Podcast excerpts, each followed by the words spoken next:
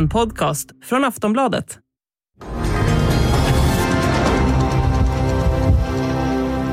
Roboten som slog ner i Polen avfyrades av Ukraina. Detta enligt AP. Från ryskt håll så säger man att detta är ett försök att provocera fram en militär konfrontation mellan Nato och Ryssland. Ja, vad har vi att vänta oss nu? Explosionen inträffade 15.40 på tisdagen vid en jordbruksanläggning i den polska byn Brzewodov som ligger bara 6 kilometer från gränsen till Ukraina. Två lantarbetare dödades i robotattacken som omedelbart blev en världsnyhet och som fick Polen att höja den militära beredskapen. Vem låg bakom och varför? Ryssland som under dagen avfyrat en stor mängd robotar över mål i Ukraina slog snabbt ifrån sig anklagelserna. Det är en medveten provokation för att försöka eskalera situationen, uppgav det ryska försvarsdepartementet. USAs president Joe Biden meddelade att han ansåg det osannolikt att roboten var från ryskt håll.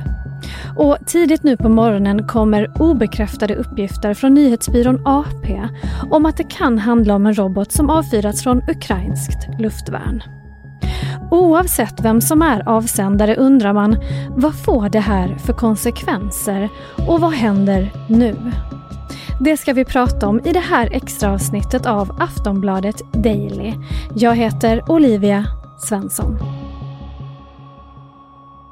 Gäst är Wolfgang Hansson, utrikespolitisk kommentator på Aftonbladet. Och tillsammans ska vi både försöka bena ut händelsen och uppdatera er kring det senaste. Välkommen Wolfgang. Tack. Hur reagerade du när du nåddes av den här nyheten igår? Ja, initiala känslan var ju att oj, nu kommer det att bli eh, tufft här. Nu är det risk att det blir en väldigt kraftig, eh, väldigt kraftigt svar från NATO, att det blir en utökning av kriget, en, en eskalering. Eh, men sen när man hörde lite mer så känns det som att de flesta höll sig ganska lugna. Det var inte det här, liksom nu måste vi slå tillbaka direkt, utan alla ville först ta reda på vad som hände. Eh, och då kändes det som att det kanske inte skulle bli den här totala katastrofen som det först kändes som. Att explosionen ägt rum är ju ett faktum och att två personer dödats likaså. Men vilka är de allra senaste uppgifterna om vem som kan ligga bakom? Alltså det senaste teorin, om man ska kalla det så, det är liksom att det här är en ukrainsk eh, raket, alltså som har avfyrats från Ukraina, som svar på de här omfattande ryska kryssningsmissilangreppen som skedde mot Ukraina igår. Att man vill alltså skjuta ner de här ryska raketerna och att då en sån här eh, av misstag har eh, landat inne i Polen. Eh, och till saken hör ju att det här är lite komplicerat eftersom eh, Ukraina och Ryssland och även Belarus har ju lite grann samma eh, raketer. Det är den här, den här gamla sovjetiska eh, raketer som man använder i alla de här länderna. Eh, och det gör ju att det inte är så enkelt att direkt bestämma varifrån kommer den här, även om man vet vad det är för typ av, av eh, robot. Men för dig låter det som en trovärdig teori? Ja, det, jag, jag, alltså, jag har svårt att se vad Ryssland skulle vinna på att medvetet eh, attackera ett NATO-land. För då, man vet ju, NATO har ju sagt att man kommer att försvara varje tum av NATOs territorium. Eh, om ryssarna vet att då blir det, eh, kommer NATO i någon form att svara med ett angrepp på, på Ryssland eller ryska intressen. Och i det här läget när man redan ligger så pyrt till i kriget i Ukraina så har jag svårt att se vad man har att vinna på det. Men å andra sidan så är det ju så, Putin har ju inte direkt visat eh, att han reagerar, handlar logiskt och, och, man kan ju tänka sig att det finns ett läge när han tycker att det går så dåligt för oss och ryska folket börjar vända sig emot mig, jag måste försöka eh, få dem på min sida. Ah, om jag attackerar NATO och NATO slår, bort, slår tillbaka på Ryssland så kommer folket att sluta upp bakom mig och det kommer att kunna rädda mig. Så kan han ju också resonera. Så att eh, eh båda sakerna är möjliga. Hur reagerar Ryssland om det visar sig vara en ukrainsk robot? Vad, vad kommer deras reaktion vara på det? Jag tror den kommer att vara precis den som den har varit nu initialt, det vill säga man anklagar Ukraina och väst för att använda det här som en medveten provokation eh, mot Ryssland för att kunna utöka kriget mot Ryssland. Eh, och det här ryssarna ser säkert det här eh, som ett sätt för Ukraina att öka pressen på eh, västvärlden att eh, snabbare skicka mer vapen och mer avancerade vapen. Särskilt sådana här luftvärnssystem som kan skydda mot de här ryska angreppen med, med kryssningsmissiler. Eh, och, och, det kan ju också hända att Ukraina kommer att eh, skaka liv i det här gamla förslaget man hade, eller en önskan man hade om att NATO skulle upprätta en, en luftförsvarszon över Ukraina som skulle göra att, eh, in, att Ryssland skulle inte kunna använda luftrummet över Ukraina för att eh, för sitt eget flyg eller för att skicka raketer eller någonting utan att eh, NATO reagerade på det. Men det skulle ju innebära att NATO drogs in i kriget och det var ju därför man inte var villig att, att ställa upp på det när, när Ukraina kom med det förslaget ursprungligen. Just det. Som du påpekade så var det ett väldigt intensivt eh, robotanfall från Ryssland mot Ukraina igår.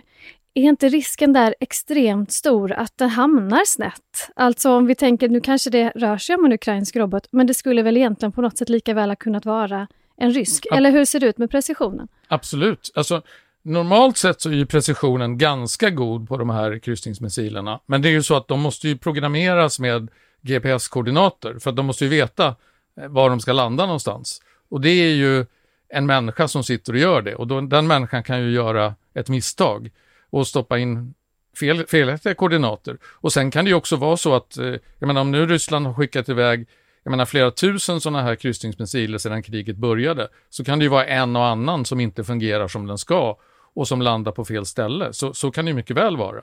Eh, och, och det är ju, i ett sådant läge så blir det ju väldigt problematiskt därför att då beror det ju på om NATO uppfattar det här, är det här en medveten rysk attack eller är det här ett misstag? Och då är det väldigt viktigt att ryssarna kommunicerar i sådana fall att eh, sorry, det här var ett misstag, det var inte meningen att den skulle landa i Polen. Och gör de inte det, då blir det ju väldigt svårt för NATO att inte se det som ett medvetet angrepp och, och som man måste svara på. För om det är så att Ryssland eh, attackerar eh, ett NATO-land och NATO-chefen och USAs president hela tiden har sagt att vi tänker försvara varje tum av NATOs territorium, då kan man ju inte gärna låta bli att svara. För då uppfattar ju det ryssarna det som att jaha, men det, det var tydligen inte så farligt om vi attackerar NATO.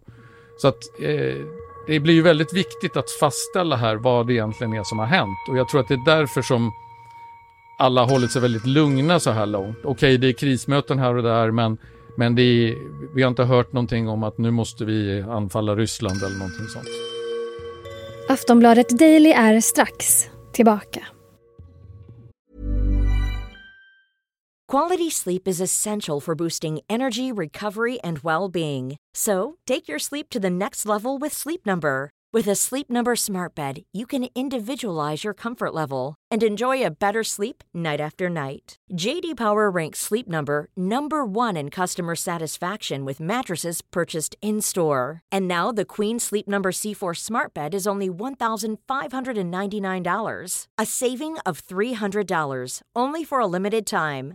For JD Power 2023 award information, visit jdpower.com/awards. Only at Sleep Number stores or sleepnumber.com.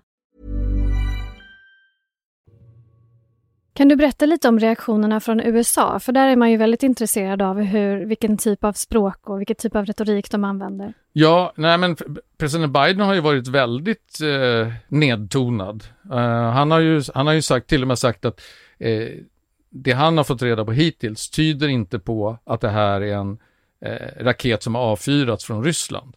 Eh, och, och, bara genom att säga det så lägger han ju liksom lite, eh, eh vad, vad, säger man, lite bomull liksom på, på den här annars kanske då hysteriska stämningen som, som lätt skulle kunna bli ifall man gick ut och anklagade Ryssland med en gång för att det, det är ni som ligger bakom det här.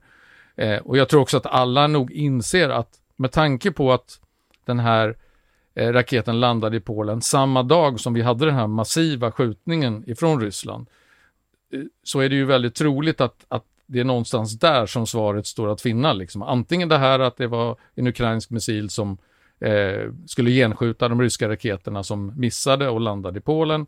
Eh, eller att det, den träffade på något sätt en rysk missil som sen ändrade riktning och landade i Polen. Eh, eller att det var en rysk missil som eh, av misstag landade i Polen. Och oavsett vem som avfyrade det så är ju verkligen känslan att vi befinner oss i någon slags krutdurk här nu i Europa. Alltså att minsta gnista, att minsta misstag kan ju göra att situationen eskalerar.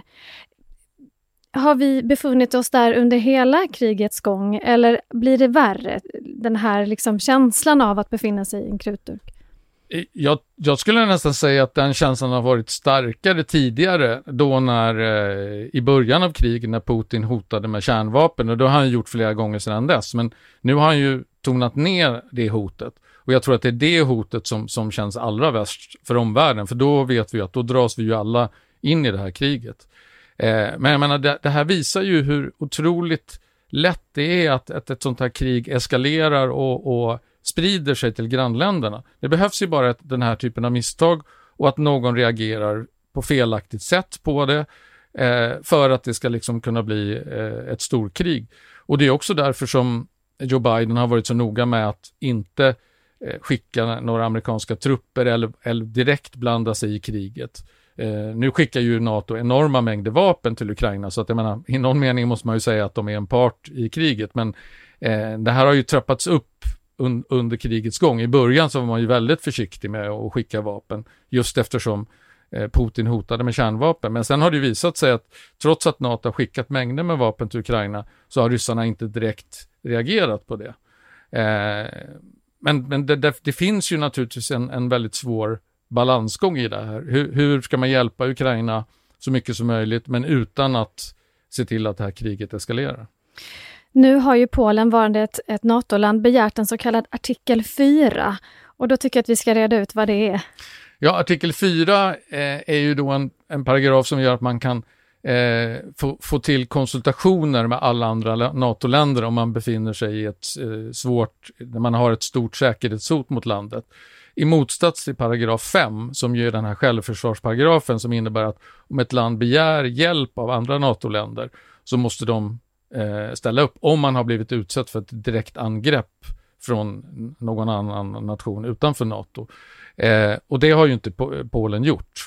Eh, så att där är vi inte ännu. Och, och, jag har inte ens sett att de verkligen har begärt att man ska ha ett sånt här paragraf 4-möte. Eh, däremot så vet vi att eh, NATO-ambassadörerna ska sammanträda i, idag och, eh, för att diskutera det som har hänt. Många har ju varnat för den här typen av följder eller incidenter och det kanske är för tidigt för den här typen av förutsägelser, men vad tror du att det som hände igår då, oavsett vem som avfyrade, kan innebära för fortsättningen på kriget?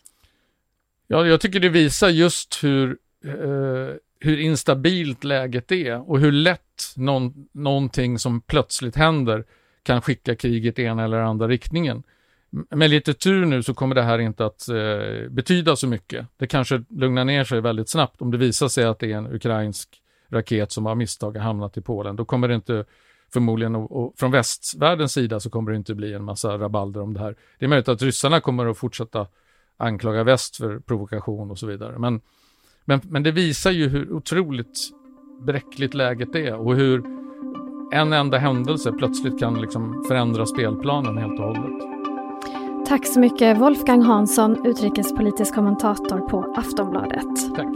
Jag heter Olivia Svensson och du har lyssnat på ett extra avsnitt av Aftonbladet Daily som är Sveriges största nyhetspodd. Vi hörs igen snart. Hej då.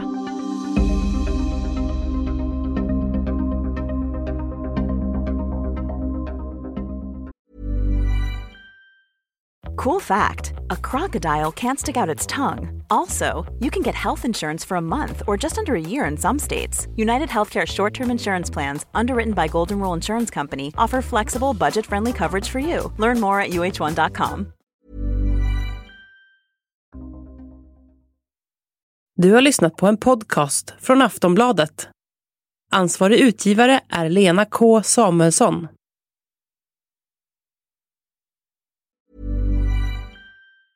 Tired of ads barging into your favorite news podcasts? Good news. Ad-free listening is available on Amazon Music for all the music plus top podcasts included with your Prime membership. Stay up to date on everything newsworthy by downloading the Amazon Music app for free or go to amazon.com slash news ad free.